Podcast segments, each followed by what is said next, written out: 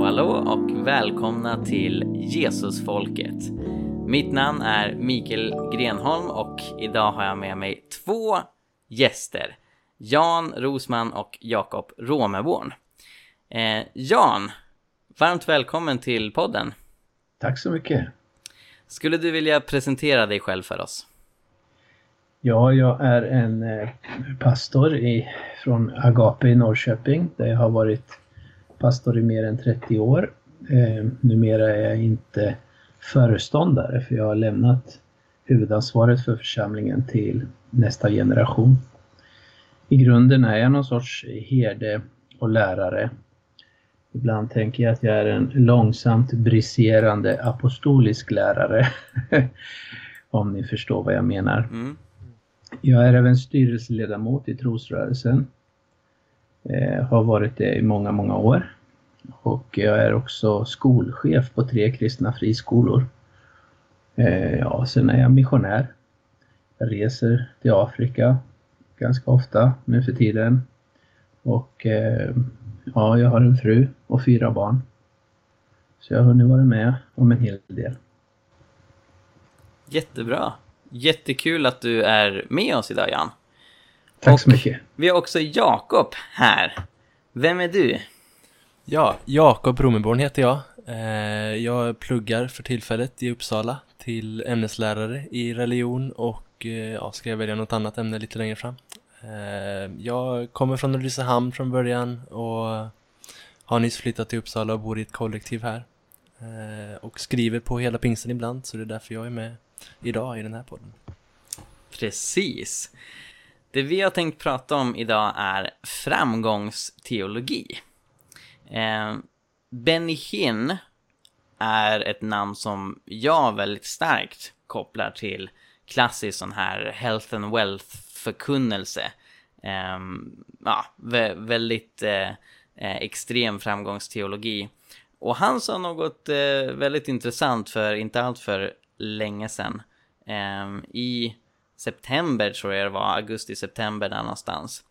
Eh, så sa han i en livesändning jag är ledsen att behöva säga att framgångsteologin har spårat ur och jag rättar nu till min egen teologi. Och ni behöver veta det. När jag läser Bibeln nu så gör jag inte det på samma sätt som jag gjorde för 20 år sedan. Och så fortsatte han med att säga, jag menar att det är en skymf mot Herren att säga ge tusen dollar. Och jag menar också att det är en skymf mot den heliga ande att sätta en prislapp på evangeliet. Det där är jag färdig med. Och hin uppmärksammades eh, för något år sedan eller två just för att säga om, om du ger tusen dollar så får du den här välsignelsen. Han blev mycket kritiserad för det och nu så är det något som han verkar eh, gå ifrån. Och han är inte ensam eh, inom den amerikanska eh, pingstkarismatiska rörelsen att eh, ta avstånd från, från framgångsteologi eller åtminstone problematisera det. Eh, Joyce Meyer är ju också en profil som är känd för att prata mycket om prosperity. Eh, och hon sa tidigare i år att det hon har lärt sig om framgång, om prosperity, är ur balans. Så vi ser en hel del förkunnare som har varit kända för att eh, predika eh, framgång, predika prosperity och så plötsligt så verkar de backa från det. Eh, frågan är varför gör de det nu? Eh, Jakob, har du någon tanke om det? Jag tror att det kanske kan ha lite att göra med att det är... Eh, Eh, ja, men det är nog lite i tiden att eh, det är många, de kanske får mer kritik för det nu än vad de har fått tidigare och då eh, tar de tillbaka en del som de har sagt tidigare, kan jag tänka mig. Kanske. Mm. Jan, vad tänker du? Ja, jag tänker i första hand så tänker jag på Benny Hinn eh, som jag har hört många gånger. Jag har eh, träffade honom första gången 1979 här i Sverige faktiskt. Och då var han ju mer av en, en helande evangelist kan man säga. Eh, sen, eh, ja, när det gäller den här saken så tycker jag att det är bara bra att han omvänder sig från framgångsteologin eller den variant av framgångsteologi som han själv har praktiserat. det är hög tid och egentligen har vi hört honom omvända sig från det här tidigare också. Det har ju nått tidningarna i Sverige vid tidigare tillfällen. Så jag hoppas att det tar den här gången. mm. eh, sen annars så, så, tror jag också att det beror på att det finns en sorts allmän omvändelse i Amerika. Alltså också i den här polariserade tiden som, som de lever med där borta mellan till exempel republikaner och demokrater. Eh, så ja, hela kristenheten inser att man måste eh, Eh, söka Gud för att det ska gå bra för Amerika i, i den här tiden och då eh, kanske det här är ett, ett utslag av det också. Att de här två individuella eh, pastorerna eller predikanterna också omvänder sig och ser över sin, sitt eget liv så att säga. Ja, precis. Ehm, jag och min fru Sara pratade om det här när det var rätt nytt med, med Benny. Och vi funderade på om eh, internet kan spela en roll också. Eh, för som jag har förstått det så har inte minst Benny Hinn eh, varit väldigt duktig på att interagera med eh, människor som liksom följer hans ministry på sociala medier och arrangerar livechatter tillsammans med dem. Och det jag funderar på är om han kanske har fått en ännu större insyn i liksom livsförhållandena hos de som följer honom därför att jag kan tänka mig att historiskt har han levt lite i en drömvärld. Hans eh, brorson Kostihin som ju också är väldigt kritisk till framgångsteologi, men inte bara det, även all form av karismatik. Eh, han har ju talat om det, att vi, vi levde som prinsar, eh, vi levde lyxliv så. Och om man finns i en sån bubbla så tänker jag att det kan vara väldigt lätt att förkunna, ja men ha tro på Gud så blir du rik. Eh, ja. Men i och med att han kanske har fått ännu mer insyn i folk som längtar efter det, har gett jättemycket pengar till hans ministry för att de önskar få något tillbaka men så händer inte det och de fortsätter leva i fattigdom. Att det kanske har fått honom att konfrontera men var, var Bibeln så pass simplistisk som jag hade trott att, att det är liksom som, som eh, eh, ja, en automatisk investering. Skänk pengar till en, till en predikant så får du saker tillbaka. Mm. Tror ni att det kan ligga något i det kanske? Det tror jag absolut att det kan göra. Alltså han har mött människor på ett nytt sätt eh, och eh, det har påverkat honom tillbaka. Så kan det absolut vara. Mm. I samband med att eh, tidningen Dagen uppmärksammade eh, Benny Hinns nya retorik så intervjuade de dig Jan. Ja, stämmer. Eh, och eh, deras rubrik som jag vet att du har varit lite kritisk till det är Jan Rosman, framgångsteologi har aldrig funnits i svenska trosrörelsen. Eh, och där, jag, jag, kan läsa upp några citat så, så får du gärna eh, kommentera det.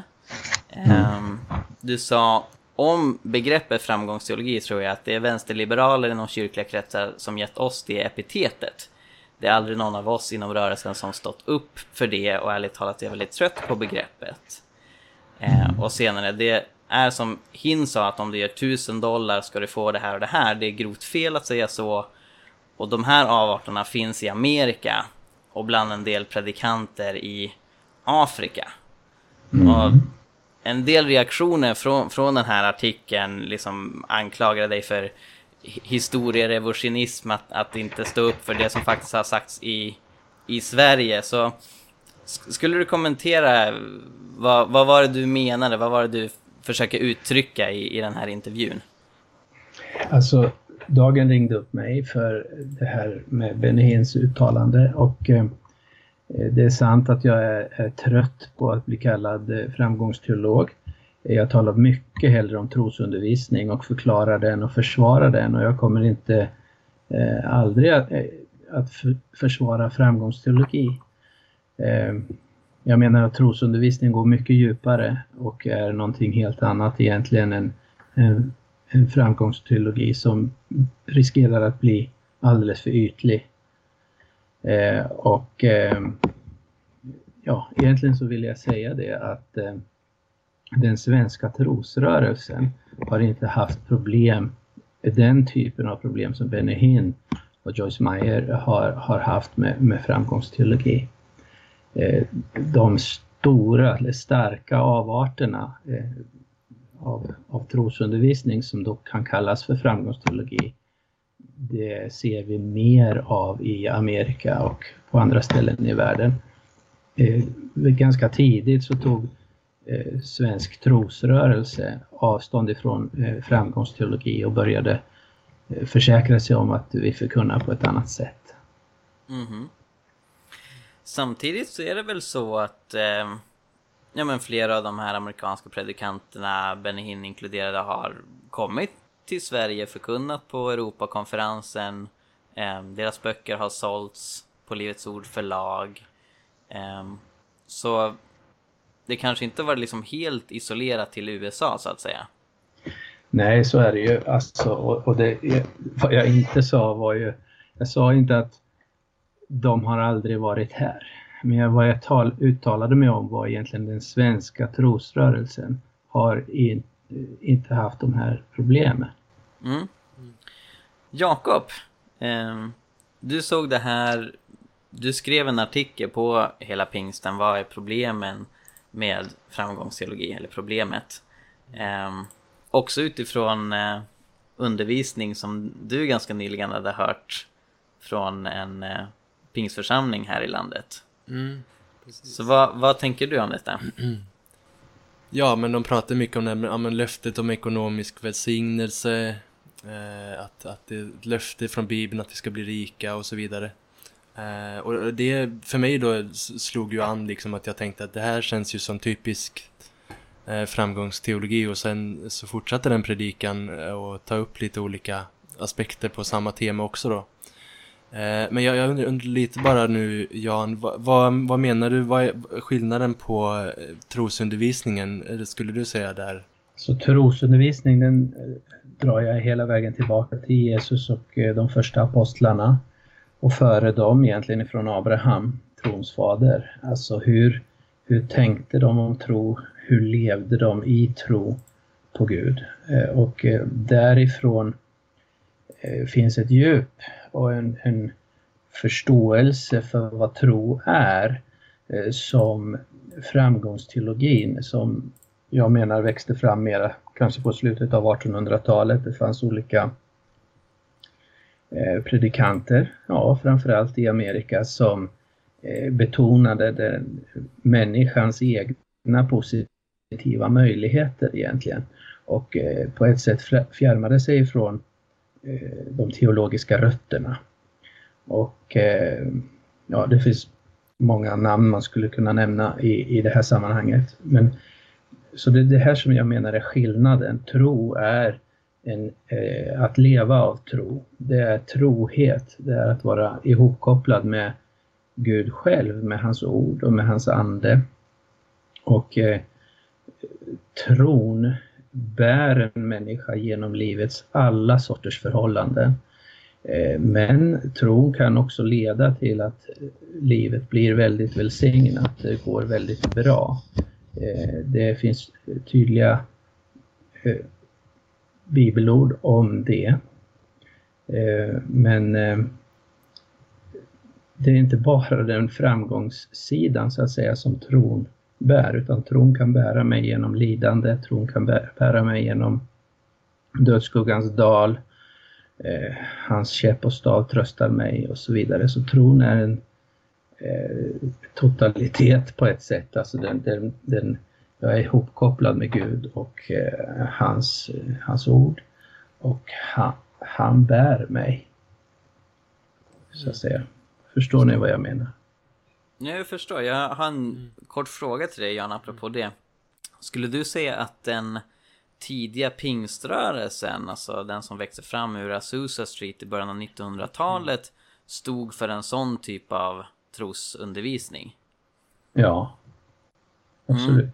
Så det, det, är bredare än trosrörelsen helt enkelt? Ja, oh ja. Just det, för det, det jag tycker är väldigt spännande med den allra tidigaste pingströrelsen, det är att de förenade en betoning på andens gåvor, helande tungotal eh, med ett, ett väldigt passionerat engagemang för, för fred och rättvisa.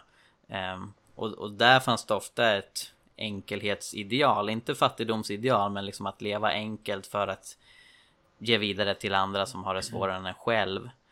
Um, och sen var det först på 50-talet i samband med Latter Rain-väckelsen och predikanter som eh, A.A. Allen och Oral Roberts som den här undervisningen om att Gud vill faktiskt göra dig rik växte fram. Och som jag kan se var inte det lika tydligt kännetecknande för den allra tidigaste pingisrörelsen utan då var det mer betoning på fattigdomsbekämpning än liksom individualistisk ekonomisk välsignelse.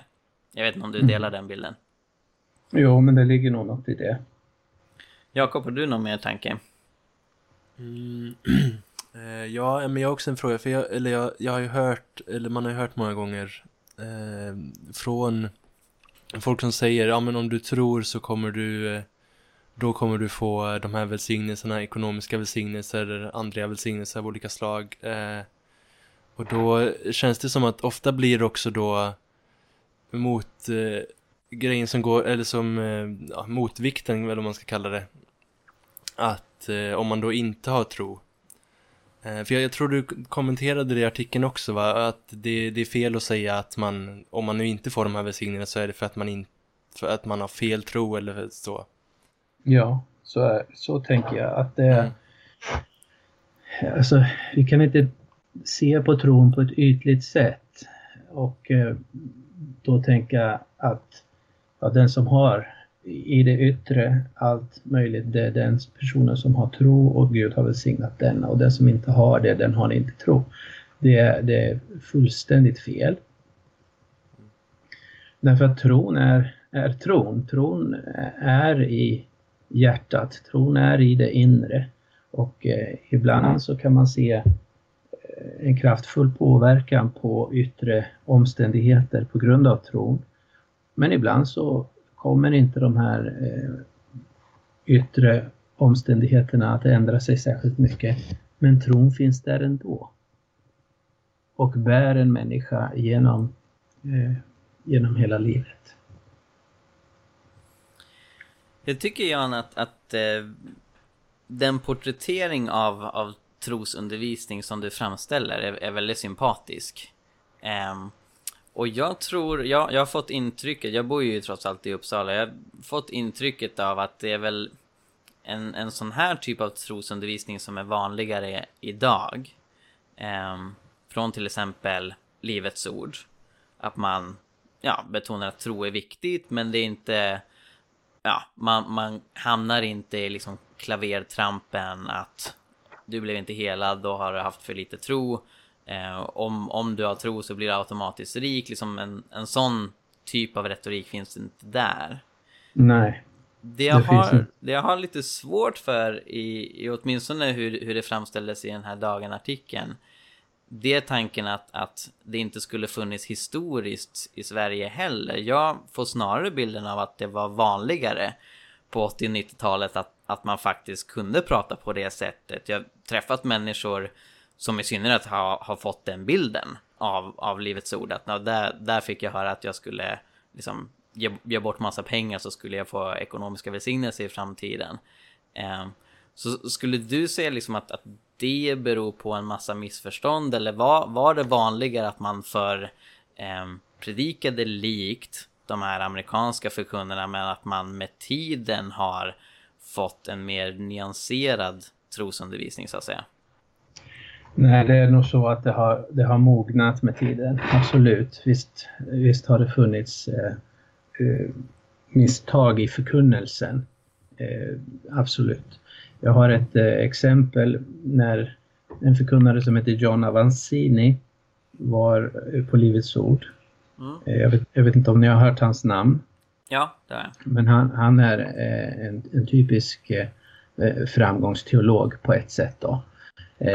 Men han hade en fantastisk predikan. Jag satt ganska långt bak i den här gudstjänsten och jag var helt uppslukad av, av själva förkunnelsen om vad Gud kan göra genom en människa som lyssnar på honom och så vidare. Och jag tyckte det var, det var helt enormt.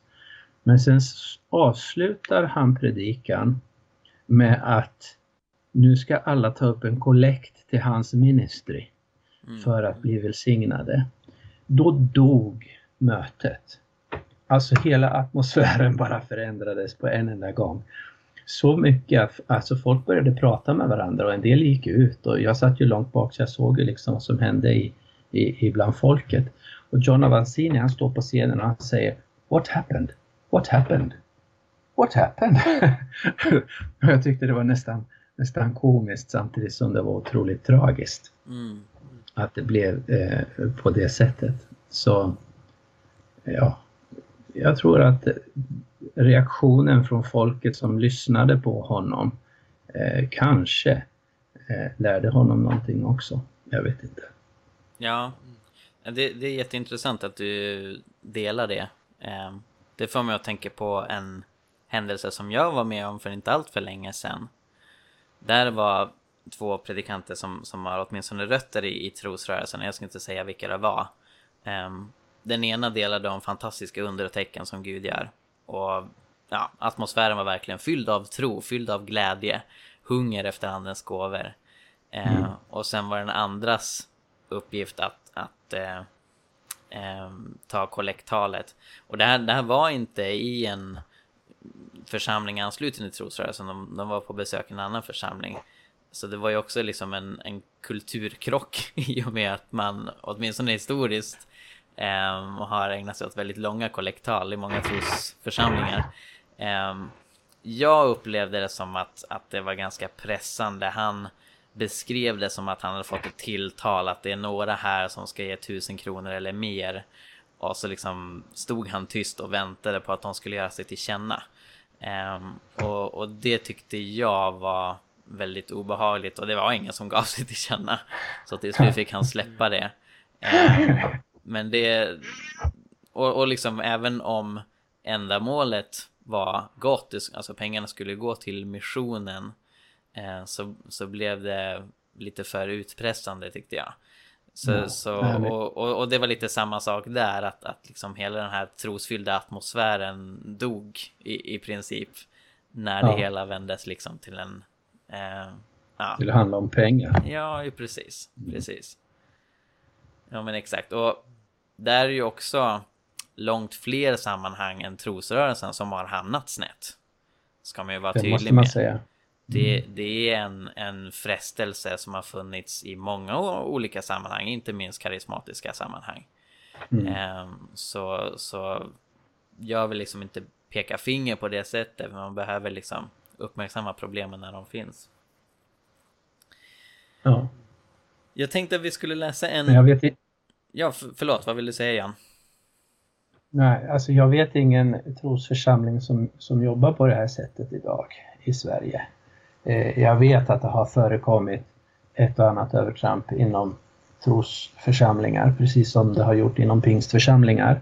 Men eh, ja, jag tror att vi alla tillsammans står för det här, den här sortens tro som jag försöker eh, tala om nu. Precis. Ehm, jag tänkte att vi skulle läsa ett bibelord eh, som jag tycker utmanar amerikansk framgångsteologi om man ska beskriva det på det sättet. Ehm, och det är första Timoteusbrevet kapitel 6, vers 5-10. Där skriver Paulus om människor med fördärvat sinne som har tappat bort sanningen när de menar att gudsfruktan ska ge vinst. Och jag läser här från Folkbibel 2015. Så fortsätter Paulus. Men gudsfruktan förenad med förnöjsamhet är verkligen en stor vinst. Vi har ju inte fört något med oss in i världen och inte heller kan vi ta med oss något härifrån. Har vi mat och kläder ska vi vara nöjda med det. De som vill bli rika råkar ut för frestelser och snaror och många oförnuftiga och skadliga begär som störtar människor i fördärv och undergång. Kärlek till pengar är en rot till allt ont i sitt begär efter pengar har vissa kommit bort från tron och vållat sig själva mycket lidande. Jag tänkte att vi alla tre kan, kan dela tankar utifrån den här texten. Anledningen till att jag tycker att detta utmanar framgångsteologi eh, det är att Paulus rätt och slätt säger att om man menar att gudsfruktan ska ge vinst så har man ett fördärvat sinne och har tappat bort sanningen. Så det är ju väldigt starka ord. Eh, och utifrån sammanhanget som är ekonomiskt så tror jag det han syftar på är just tanken att om jag är gudsfruktig, om, om jag har stark tro, om, om jag är, är duktig på att följa Jesus, ja, då blir jag rik, då, då får jag vinst. Eh, när han sen fortsätter i vers 6, gudsfruktan förenar med förnöjsamheten verkligen en stor vinst.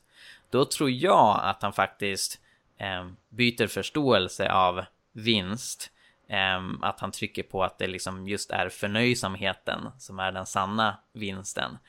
Och sen så i 7-8 så utvecklar man vad han menar med förnöjsamhet. Att vi inte har tagit med oss några ekonomiska resurser in i världen. Inte eller kan vi ta oss med oss något härifrån. Alltså allting som vi har är till låns.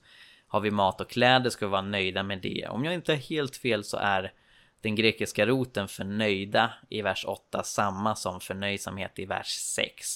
Ehm, så jag ser det som att det Paulus eh, pekar på här är ett enkelhetsideal, att vara nöjd med, med det nödvändigaste.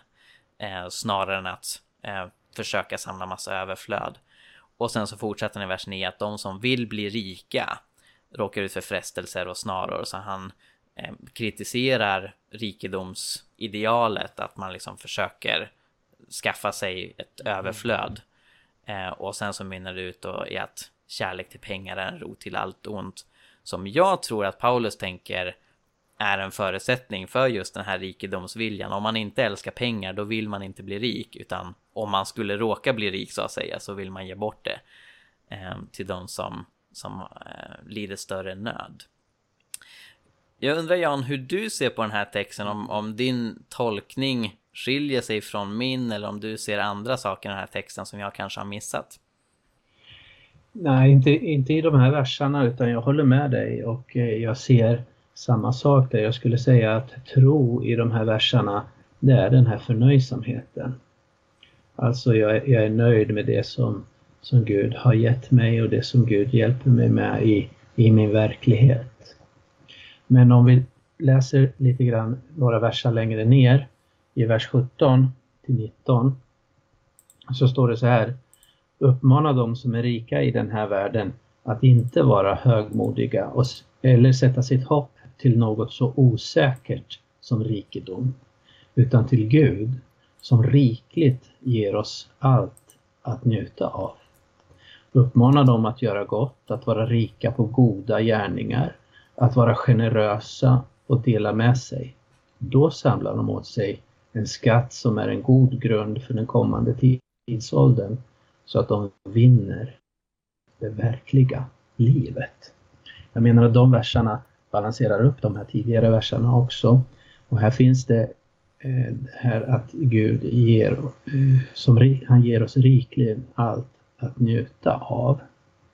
Så att det är inte fattigdomen i sig eh, som är ett ideal för Paulus utan, utan det är ju att fokus måste vara på Gud, inte på rikedomen. Så tänker jag. Tack för det. Jakob, har du några tankar?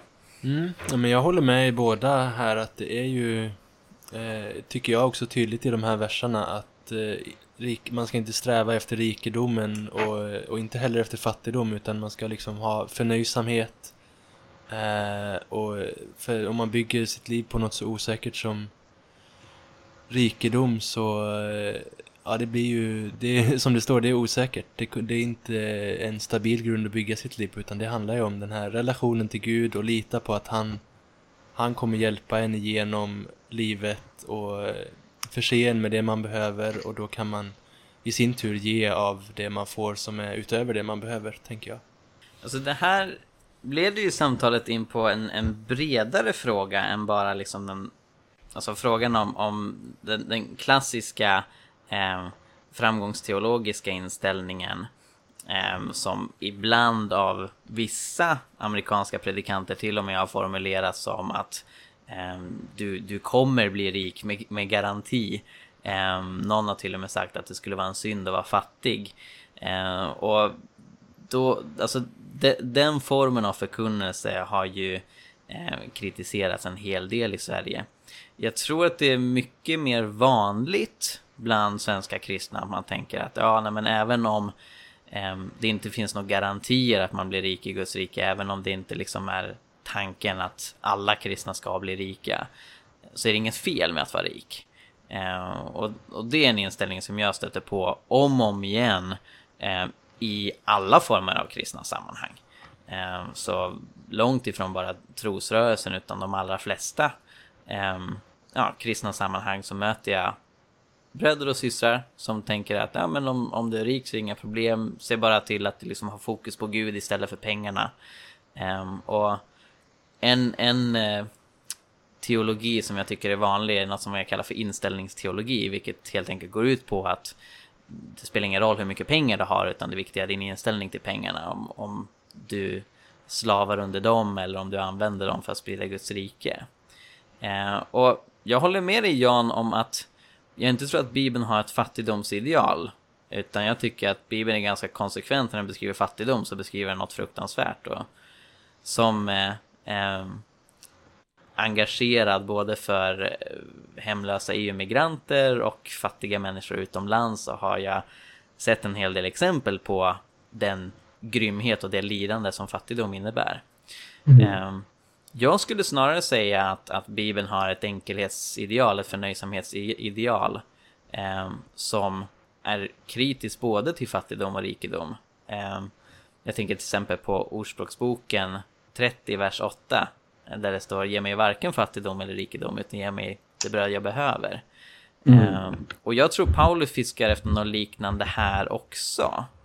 Så när han sen tilltalar de rika i 17 till 19 så ser jag det inte så mycket som ett, alltså att balansera upp någonting som han tidigare har sagt utan att det är liksom på samma linje att han fortsätter eh, uppmana till enkelhet. Eh, mm. Att inte leva i lyx och överflöd själv utan även om man skulle ha en stor inkomst att se till att man fortfarande nöjer sig med det nödvändigaste och mm. skänker bort, delar med sig, är generös till de som är fattigare. Och då mm. tänker jag att man både aktar sig för ett fattigdomsideal och ett rikedomsideal oberoende vad ens inkomst skulle ligga på att man i sin livsstil eh, nöjer sig med enkelhet så att man kan vara mycket mer generös än om man skulle sträva efter en lyxig livsstil med de allra finaste kläderna och bilarna och alltihopa. Mm. Absolut. Jag håller med dig Mikael. Det det är en, en, balans som finns här eh, och en, en, fortsatt generositet kan man säga som, som är kopplad till det här. Så, eh, om du blir rik eller du blir välsignad så måste du tänka på andra. Du kan inte bara leva i lyx själv och eh, eh vältra dig i din egen välmåga på något sätt. Det blir en synd i sig självt. Jag gick på Kenneth Hagins bibelskola i början på 1980-talet och eh, redan där och då började han och eh, eh att eh, kapa övertonerna för för framgångsteologi kan man säga. Han skrev en bok som heter Plans, Purposes and Pursuits. Och eh, han eh, förkunnade mot de här överdrifterna och eh, talade om, om att vara rik, det är att ha tillräckligt för dig själv mm. och, och att ha ett överskott så att du kan vara generös mot andra. Jag tycker det här är jättespännande. Ehm, jag ehm, läser just nu en, en master i kyrkohistoria och fokuserar på pingströrelsen, den globala pingströrelsen. Och där har en hel del börjat uppmärksamma att när till exempel afrikanska pingstkarismatiker talar om prosperity och framgång eh, så finns det en ganska stor bredd. Så vi har vissa som verkligen menar det här innebär att vi ska leva i lyx. och, och där predikanter för att visa att de är gudfruktiga eh, skaffar sig otroligt, otroligt dyrbara saker. Vilket mm. ju blir rätt så eh, groteskt ärligt talat när, när deras församlingsmedlemmar knappt har något att äta. Men mm. sen så finns det andra sammanhang och, och de verkar vara ännu fler. Där man fortfarande talar om prosperity. Men det man menar, som du säger Jan, det är att ha tillräckligt. Så mm. i ett sammanhang där man är genuint orolig för om ens barn kommer ha något att äta nästa säsong. Eh, så det man förkunnar, ber om och, och, och strävar efter, det är Guds försörjning för att man ska kunna överleva och, och, och kunna se sina barn utbilda sig. Så det, det, man lägger in i framgångsbegreppet kan variera väldigt mycket. Mm. Ehm, och trots att liksom undervisningen växte fram i ett amerikanskt 50-tal efter andra världskriget med väldigt mycket framgångsoptimism där man också såg hur medelklassen blev rikare. Plötsligt fick man tv, man fick bilar. Så att det liksom lätt fick en överton på att nu ska vi bli hur rika som helst. och det finns ingen gräns på hur, hur rik Gud vill, vill att vi ska bli så har den globala framgångsteologin tagit sig i många olika uttryck. Mm. Eh, där det kanske snarare i, i många fall handlar om det som jag tror att vi alla ser som, som den bibliska förkunnelsen. Mm. Att Gud vill inte att vi ska svälta. Gud, Gud vill inte att, att vi ska leva i lidande. Men han vill inte heller att vi ska bygga borgar där vi låser in liksom, våra rikedomar, samlar skatter på jorden. Eh, så mm. att andra människor inte får vad de behöver utan han vill att vi ska leva liv i, i enkelhet och generositet. Där, mm. där vi får vad vi behöver från honom och, och kan dela med oss till andra. Mm. Absolut. Ja men vad spännande. Ja. Det, det känns som att eh, ja, eh, fram, framgångsteologin har stött på en hel del motgångar, åtminstone som den traditionellt har uppfattats. Ja men absolut, och, att... och det, det, är hög tid att det, att det sker så och att, att vi får återvända till den ursprungliga trons kraft. Den finns ju också tydligt beskriven i Bibeln. Så att jag skulle vilja säga så här att tron kan leda till framgång och, och, och välstånd. Eh, när vi, när vi sammankopplade med Gud följer honom på hans väg så kan vi få se en framgång. Men den får aldrig bli till en egoism för oss själva så att säga. Jan, en avslutande fråga till dig. Ehm, hur ser du på trosrörelsens framtid? Ehm, vad, vad kommer ske framöver och, och hur kommer förkunnelsen om, om detta tydliggöras? För jag skulle nog säga att eh, väldigt många kanske inte riktigt har förstått exakt vad ni menar med tro och eh, ja, hur, hur ni ser på liksom de här lärarna som har förkunnats historiskt. Så vad, hur tänker du att framtiden ser ut för er? Jag tror att framtiden för trosförkunnelse eller trosväckelse, om jag använder ett ännu bredare begrepp, den är enorm. Potentialen för, för trosundervisning eh, är enormt. Och eh, jag tror att behovet av för, att förstå vad tro är och hur man kan leva eh, i trohet mot Gud och hur Gud med sin närvaro kan fylla oss nästan som en hand i en handske. Eh, det tror jag kommer att eh, bara förökas i alla samfund. Det här är ju inte någonting som en så kallad trosrörelse kan eh, ha monopol på utan alla kristna är ju troende människor och eh, där inte minst Paulus talar ju mycket om det här med tro och hopp och kärlek som en sorts grundläggande drivkrafter i en troende människas liv.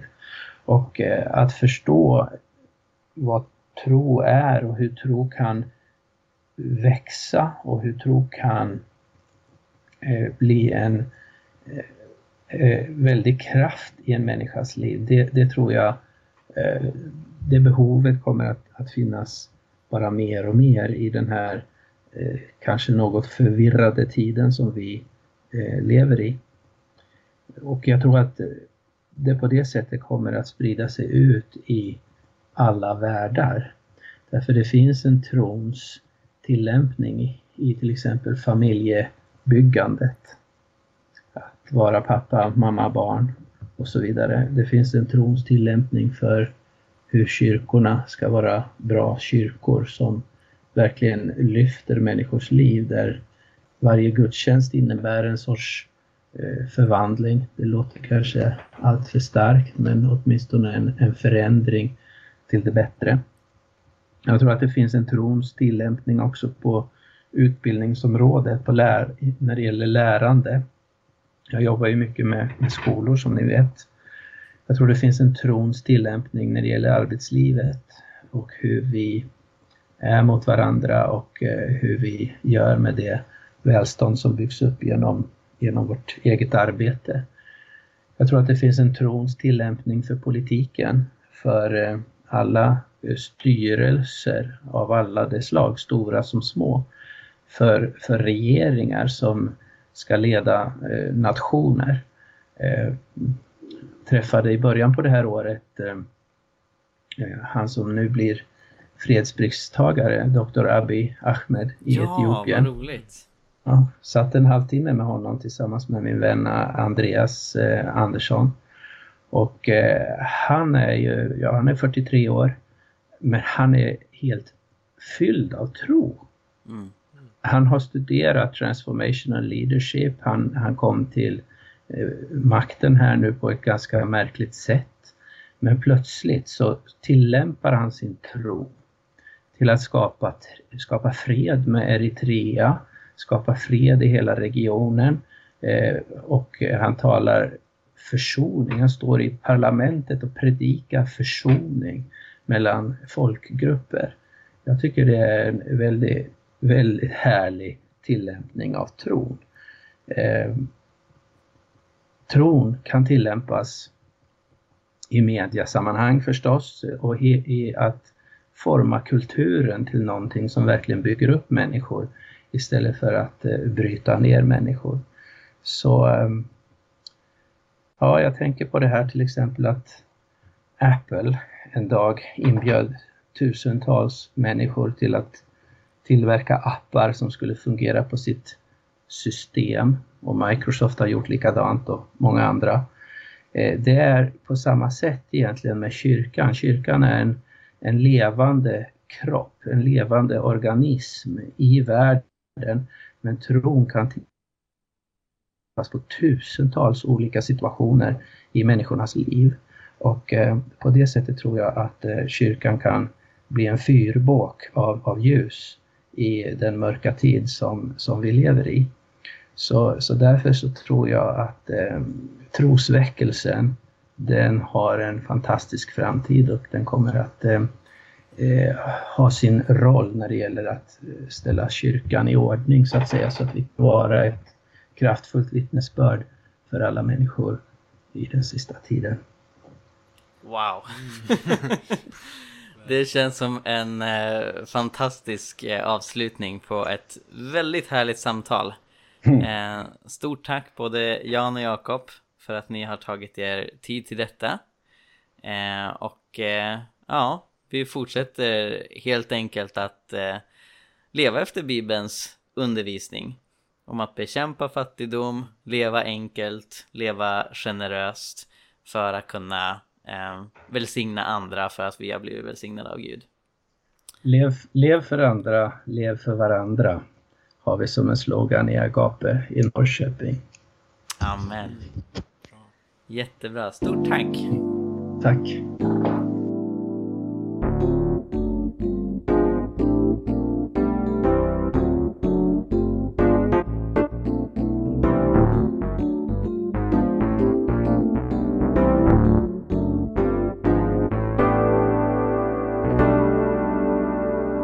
Tack för att du lyssnar på Jesusfolket.